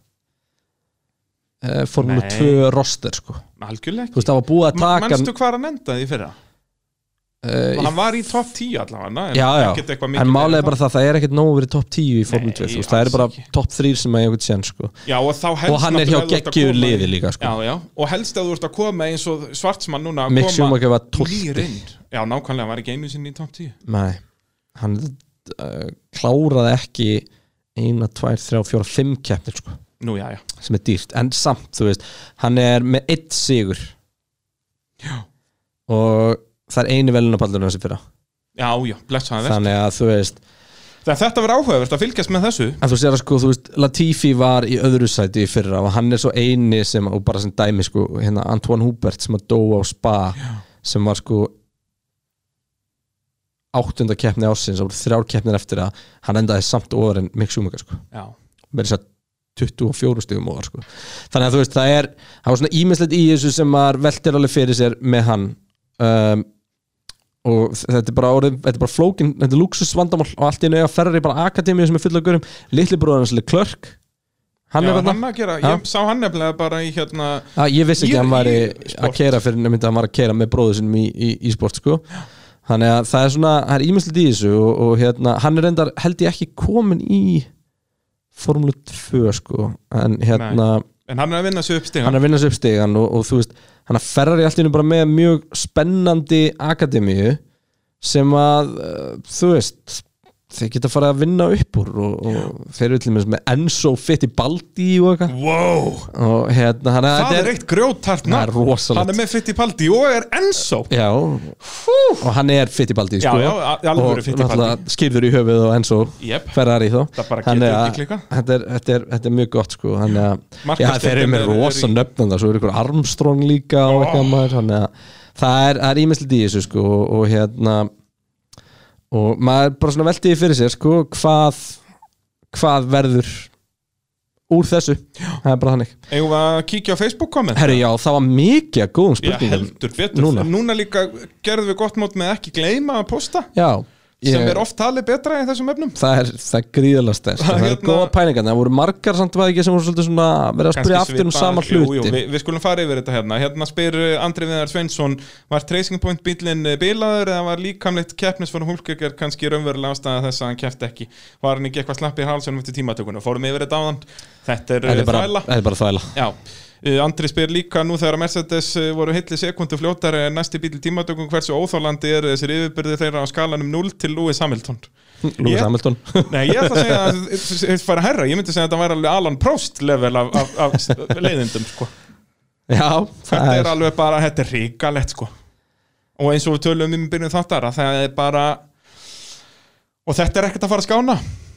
það er, þeir eru bara annari, annari plánetu og, og þannig er það bara Uh, Jakob Helgi Bjarnason spyr uh, miðan við þessi sprungnu dekk núna erum við að tala um tveggja, jafnvel þriggja stoppa keppni næstu helgi já, ef að Pirelli bakk ekki út Já. og, og, og, og, og rétta liðunum eitthvað sem er bara virkar skilur þá, þú veist, ég allavega myndi vilja sjá það og, og hérna og út í að mynda spurning, finnst þið ykkur að F1 og Pirelli ætti að stilla dekkjunum þannig upp að séu fleiri tveggjastopakennir, já, ég myndi nefnilega vilja gera það og ég myndi líka eiginlega vilja að þú vissir ekkert hvað dekka væri fyrir myndi mæta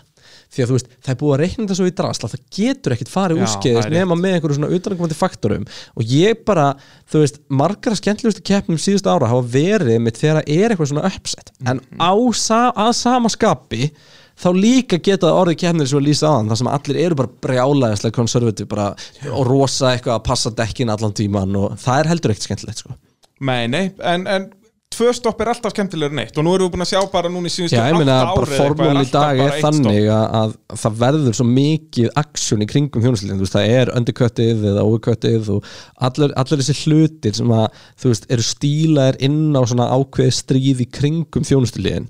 þannig að að sjálfsögðu þegar við fáum bara fleiri þannig, fáum við bara meira aksjón og meiri líkur á einhverjum offset strategjum og okkur þannig að, Algjörlega. þannig að já, ég er, ég er mjög hlindur í, sérstaklega eftir að þjónustilið fóru bara að taka tvær sekundur, sko. Ég segi það og þá er þetta bara ennþá meira spektikul Já. Það er algjörlega þannig Hilmar Jakobsen spyr Þarf bensin að vera þremur hjólum svo hinn er eigin sens Þeir áttu ekki síðan. Þeirra er ekki sens Þannig að hann spurning með tvö Kanski fáum við að sjá hvað Já, við getum, við getum reynt það næst og uh, En þú veist, jú, kannski verða þér þá á pari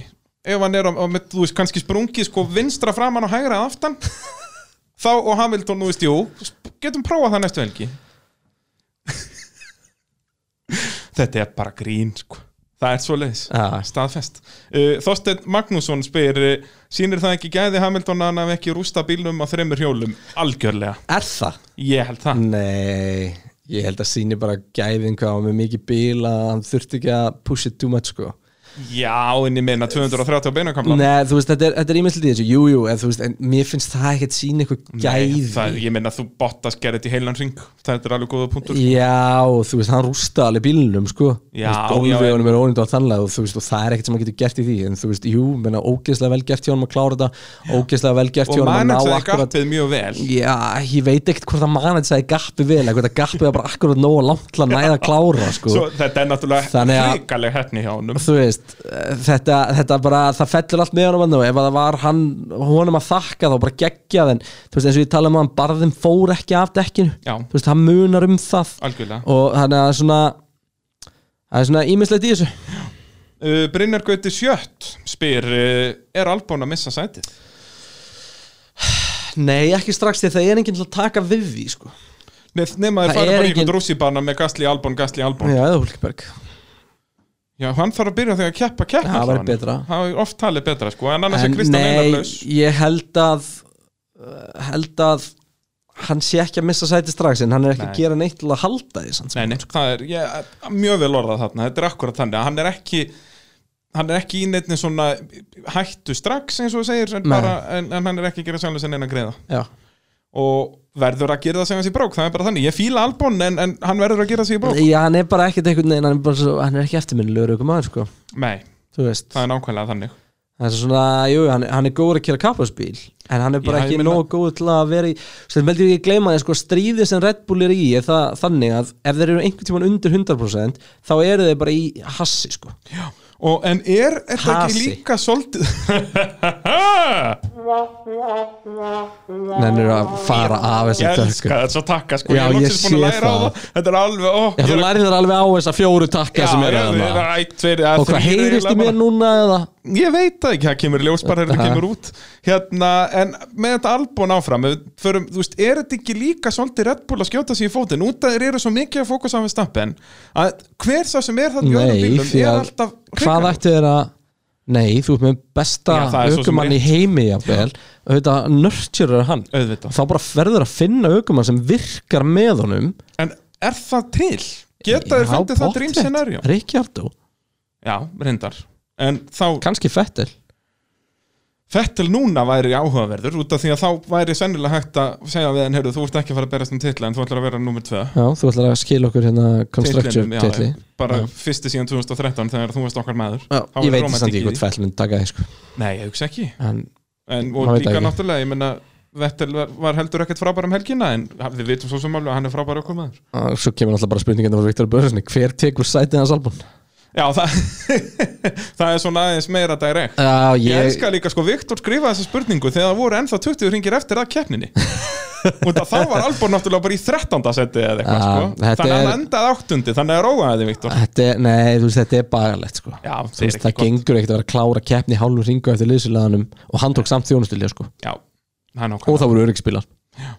það er bara ekki bóðið sko. En þetta er náttúrulega líka það sem ég var að tala um áðan að þetta er öðruvísi þegar þú ert með heilan mittfíld þarna á milli þér. það skiptir ekki máli, hann á ekki að vera með hann á milli Nei, nei, það er alveg rétt. þannig að, Gunnar Aðalgeir eh, Arason spyr fyrst Hamildur er komið með 30 stegum fórskota Bottas er sjöndi titill hans orðið nokkuð örugur eða getur Bottas enn komið tilbaka Eh, nei, Bottas, jú, Bottas getur það en það er þá bara COVID er, eh, sko, er titill hans orðið nokkuð örugur er ekki rétt því hann er örugur nei, nei, Jú. hann er það ekki því að það, við Ja, búum á COVID. skrýtnum tímum það er rétt, en, COVID getur eh, stoppað þetta COVID, eh, það, það geta hluti stoppa þetta en ef að við erum að fara að kera þetta tímbil áfram bara eins og lítur út núna þá á hann ekki fræðilega möguleika ekki nema, ef, þú- ef hann getur snúið við þá er bara kútos á Bottas þá bara er hann að stimpla sig sinn sem eitt besti öfver því hann vann bara sönnilega besta öfver bara allavega eins einn og með Nico Rosberg, skiluru Nei, því að Hamilton lætur ekki plata sér tvisvar sko nei, ég segi þetta er ekki að fara að gerast en Bottas getur stimplað sinn eins og Rosberg Já, en, en það er ekki að fara að gerast gefa út bók og opna ísbúi í Bisa nákvæmlega getur ekki klika Kristinn Már, uh, va- er þetta Vake? Hvernig, Voge. hvernig, Voge. Uh, af hverju eru Williams með svona lélegt race pace? Því að bílinni liljus Já, þeir eru lélegir í að handa formule 1 bíl Þegar við erum svo miklu sérfræðingar inn í pittunum, þetta er ótrúlegt Nei, Eh, bara bílinn er bara lélugur Já, já. ég, held, ég held að sé ekkert eitthvað eitt sem ég geti bent á og sagt eitthvað hann er lélugur þarna, hann er lélugur hér eða þeir þurfa að laga þetta Þetta er bara lélugur bíl Basically er þetta bara sami sauri og við höfum séð, þú veist, eina ástæð fyrir þeir eru góður í tímatökum er út af vélni Já, þeir voru með þess að vera líki fyrra sko, Já, en núna er hún orðin, núna er ennþá ferrar orðin svo lélegir Já, og Benz viðast Og að Benz vera einu betri. sem einhvern veginn fundu meira aflútur sinni vel sko. Akkurat, þannig að þe- við þurfum að snúa þessu þannig við í rauninni af hverju eru góðir í tímatökum frekar en Já, af svo hverju er eru með spurning hvort lélegt að bílinn sé racepace. bara ágætur með lítið bensin líka og mjög Já, dekkjum sko, svo er en, það allur en, balansinn með það en þú veist, þetta er bara skrítið Uh, Viktor spyr hérna einnig uh, Bottas var á hvert undan því að hann get ekki séð neitt vegna Víbrings maður spyr sig af hverju hann uh, gat ekki séð neitt vegna Víbrings en aftur á móti ef maður býtur í, í rámakstannbursta verður maður blindar en stífi vondar Það er, mjög fyndið. það er ógeðslega óþægilt að kera svona bíl með Já, nú gott getur- getur... flatspot sko. Þú, hefur þú prófað það? Ég hef alveg læst ekki um og skemmt þau já, og kert heila kemnast eða það er alveg vonlaus sko. og það er stundum aðeins með perandi sko, er í hraðabreytingum þú veist, þú ert kannski komin ógeðslega hratt og þá er allt farið að víbra einhvern veginn og þú ert svona einhvern veginn búin að fókusa auguðina og sjá þannig og svo neglur niður fyrir einhverja beig og þá kemur bara gong, gong, gong, gong, gong, Já. eitthvað, þú veist, og það er bara Þetta bara röglar manni vel Já, og þetta er bara því líður illa og þetta, þetta, þetta gjörsanlega fokkar í bestum aðeins sko. Já.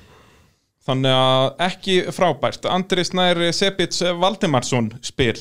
Er eitthvað framtíð fyrir Nico Hulkenberg, Hulkenberg sem keppanda í Formule 1? Í- í- Þetta er, þetta er enda mjög góð spurning Já, klálega Ég, Komumst í rauninni að því eftir svona fimm dagar? Nei, nei, við vitum það alveg á síðustu árum að hann er betri heldur en Latifi hann er örugglega betri en Stroll hann er uh, betri en Giovannizzi, hann er betri en Báður og Haas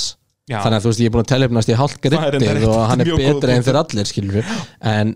Formule 1 er ógeðslega ljót íþrótt þegar kemur að því að þetta bara snýst ekkit bara um hversu góður þú Nei, nei, ert það er bara, og mótorsport almennt Já, þetta er þetta er ekki bara- eins, og, eins og fótbolti eða, það eru bara markaslega öll sem skipta máli og annað slíkt og það er til dæmis eitt af því sem að er í þessu Aston Martin pælingu með Fettel Algjörlega. Þískaldi næstasti markaðar Aston Martin sko. jeps þannig að þú veist, þeir myndi ekkert hata markaðstelin að vera með Sebastian Fettel í bílum sko. en þeir myndu heldur ekki hata 10 miljónir frá Peres veist, þetta er það sem við Nei, erum að nei, tala um en þú þetta er veist- bara markaðsfræðilega öfl eins og Já, þú segir þetta er bara peningar Uh, geggjuð önnur spurning hjá andra uh, hver eru bestu núverandi ökuminn í Formule 1 að ykkar mati ef allir kera sama bílinn kottu með topp 3 í réttir röð ekki bara svona ballpark ég hefði þrír. þurft að undirbúið maður undir þessa sko. því að málið er það að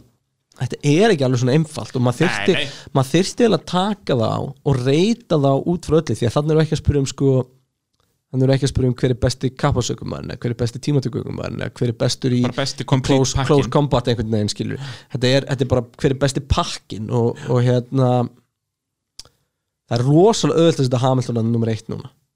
já ég myndi samt eiginlega setja Vestapen á undan honum Verstafan er ekki búin að vinna neitt nei nei en hann er á mikið verið bíl Já. En þú veist, þetta er það sem er en við skemmtilegt við vitum svona það pælingar ekki við vitum það ekki Ég meina, við vitum ekki hvort verstafn myndi setja upp í Mercedesin og vera bara þú veist, 0,6 hraðar heldur en Nei, nei. Hamilton og Ring það gæti alveg gæst hann gæti líka bara gæst að vera 1,5 sekundu eftir honum sko. Já, já. Þú veist, maður átt að segja alveg á því og, og hérna, Og þetta er líka, þetta er mér finnst ástæðan þetta fyrir því að mér langar að skemmtilegt í fá formúlu fettilir í Racing Pointin sko. það er bara, herri, þannig erum við bara með clear comparison og gæja sem er fjórfaldar heimsmyndstari hvað getur hann gert í þessum bíl Já. og þess vegna langar mig til að fá verstafn og Hamilton saman í lið Já, það er náttúrulega, ég held að allir vilja það bara Já, 100% Það væri og alveg bara það gegn- er bara eitthvað sem Benz á bara að redda En allavega um, ég, ég Við erum búin að nefna Vestapen og Hamilton Hver er annar hann í, í ringnum? Leclerc, Ríkjardó Ricciardo, já, þú myndist að það aðan Það er gott sjátt Og þetta er náttúrulega, þú veist, það er ekki takt að segja bara Norris, Þetta er Sainz, alltaf bara hvað mér Leclerc. finnst Já, Þetta er ekki eitthvað bara svona, einhver vísindi sko Hver er bestur? Hendu því út um þér Það eru það eru tveir sem komandi greina Hamilton Vestapen Já, já bara getið líka gert upp En með þeirra það En það er mögulegt. spurningin hverjir eru bestu Þannig að ég má svara Já, öllum það er þeirra. rétt, já, hann orðaði það þannig hann er ég myndi, dýrari. ég myndi segja að ef við erum að skipta upp í flokka þá er A++ flokkurinn Verstappen og Hamilton Mhm. A plus flokkurinn væri sko Ricciardo, Ricciardo. Leclerc Fettel á sínum degi Ég er að vinna complete kappatusökum Já, þú veist, hann er geggjaður en maður veit ekki hver er í gangi já, maður þarf ekki En þú veist, má og, og jú, jú, ef ég ætla að fara að horfa ykkur á sögubækur þá myndi ég setja Kimi Rækurnanda líka, sko Já, þú náttúrulega Vettel, það má náttúrulega heldur ekki gleyma hvað sem Vettel var geggjaður á sínum tíma Já, og við slum heldur ekki gleyma að hann kom ferri mun framarhaldur en voru, sko Algjörlega Ég er, ég Ég, bara ég, sé gæti, ég, angistar gæti, svipinn. ég gæti skipt grittinu upp í tvent sem er bara svona yay or nay Já, þú veist, og ég eru þú veist, Hamilton og Bottas það eru Leclerc og Vettel Norris Sainz. það er Verstappen, það er Sainz það er Norris, það er Ricciardo það er uh, Russell Okkon er hann nei hann er svona á miðjunni einhvers staðar Sko, þú getur ekki einu sinni gert ég og nei ég myndi þá segja nei og okkur Já En já, já, við og ég getum myndi líka segja verið nei og hérna Stroll alveg í og ég myndi tvo, segja ég þrjá og mánuði Peres viðbót. sko, þú veist, þetta er Þetta er drullu flókin spurning Þetta er Hamilton Verstappen, ég sammála því Þeir eru þarna on top Það er engin Og- spurning um það sko það er, Þetta er eiginlega bara spurning Þú veist Eller klörkarna líka, nei Hann er ennþá að gera of mikið af mistökum Hei fyrra, hann er alltaf bara búin að svo fá að keppnir í ár Já, já og, en, og, jú, hann er búin að gera mistökum, kerði á Fettel Jep. Þú veist, og Já, nei, ég myndi Svo kemur hér Gunnar Algeir Arason með aðra spurningu og það er akkurat hinn endin á þessu samtali hvað þau komin í ár fá ekki sæti á næsta ári Aftur snýst ekkert um gæði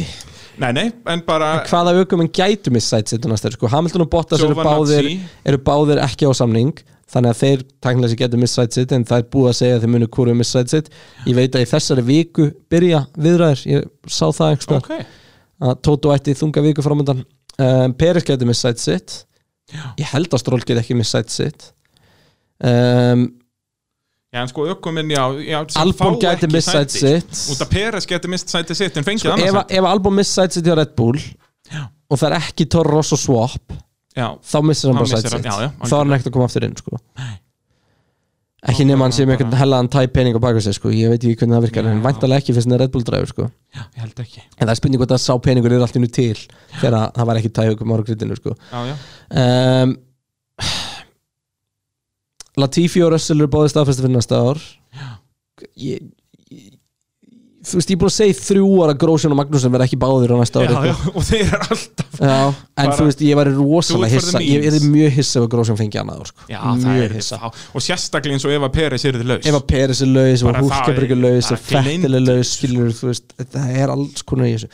Við vitum ekki ennþá með Fettel, hann gæti orðið sætslaus en þú veist, það er enginn sem öskar eitthvað á mig nema jú, ég hef engan áhuga á að hafa Giovannitsi að náfram Nei, ég hef engan áhuga á svona Latifi ég hef engan áhuga á, ég hef lítinn áhuga á okkar hann má alveg vera hana uh, þú veist, hann er, þú veist, þetta er ekki beint á kostnanin sko nei, nei, hann er Þú veist, það er bara bara Hulkenberg sem að er svona kostnað eitthvað sem ég finnst alveg eiga heima í formúlunni sem er ekki með sætiðar sko. og Alonso þú veist, ég til hann fyrir for the lulls einhver Já, svona. já, bara svo fyrir finnst mér mýmið. endur alltaf skrítið að Stoffel van Dorn hafi dottið út og ekki komist aftur inn sko. Af hverju finnst þér það? Út af hann er ógeðaslega góður í kapastri Sko? Hann glemt að sína það í formule hann þurfti að sitja undir Alonso að tuða og hann dónatum maklarinn allt árið sem er nummer tvö Já, en ég meina hann var líka svo augljóslega nummer 2 já, en það var bara, þú veist, hann fekk ekki partana og svona Já, en ekki í öllum tilfellum Hann var alveg ríkalegur Ói, bara það taldum um eitt skrítið með Viljáns og akkur þetta er ekki góður Hann kapasbít var farið alveg eins langt í burtu Nei, meðan hann var, þetta er. hann var æðislegur Uss. Talandi um, um Williams og af hverju þetta er ekki nógu góð kapparsbíl Þeir til dæmis þetta er í fyrsta keppni núna sem er actually, eru með alla partan á báðum bílunum sem Já, er þurftu það alla er- nýja svona Þetta er allt svona alveg, já, já, haltu liði blindan dæmis Alveg svolítið þannig sko. Talandi um haltulegi blindan er það ekki bara góð endorð og lýsandi fyrir okkur Ég held það, við, okkur félagana Það er kappastur um helgina, pitturinn, þakka fyrir síðan sinni Við erum búin að bladra allt og lengi og sorry við séum búin að skemma daginn eitthvað með því Það var ekki tvíhöðatn í dag Heyrðu, þetta er synd og skoðum, vonandi, það, þeir þurfa líka að fara að rífa sig eitthvað í gang Það er þessir- einhver að snúast öll- öll hringa til hornin þarna. hringi Já, og Verstapenn er Reyndar alveg ég til í að gæti- kaupa benn sko ég get, já, það, það á við alltaf sko. en þú bara komst því ekki inn þannig að þetta ekki að leiða að bæta inn Nei, nei, í eftir sorry, á. sorry með mig, ég rífum mig upp næstu helgi takk í dag, það er Bretlands, nei fyrir ekki það er 70 ára ammaliskapasturnum um helgina Það er ekki brellanskapast til hafa mikið með ammali formule 1 í Bretlandi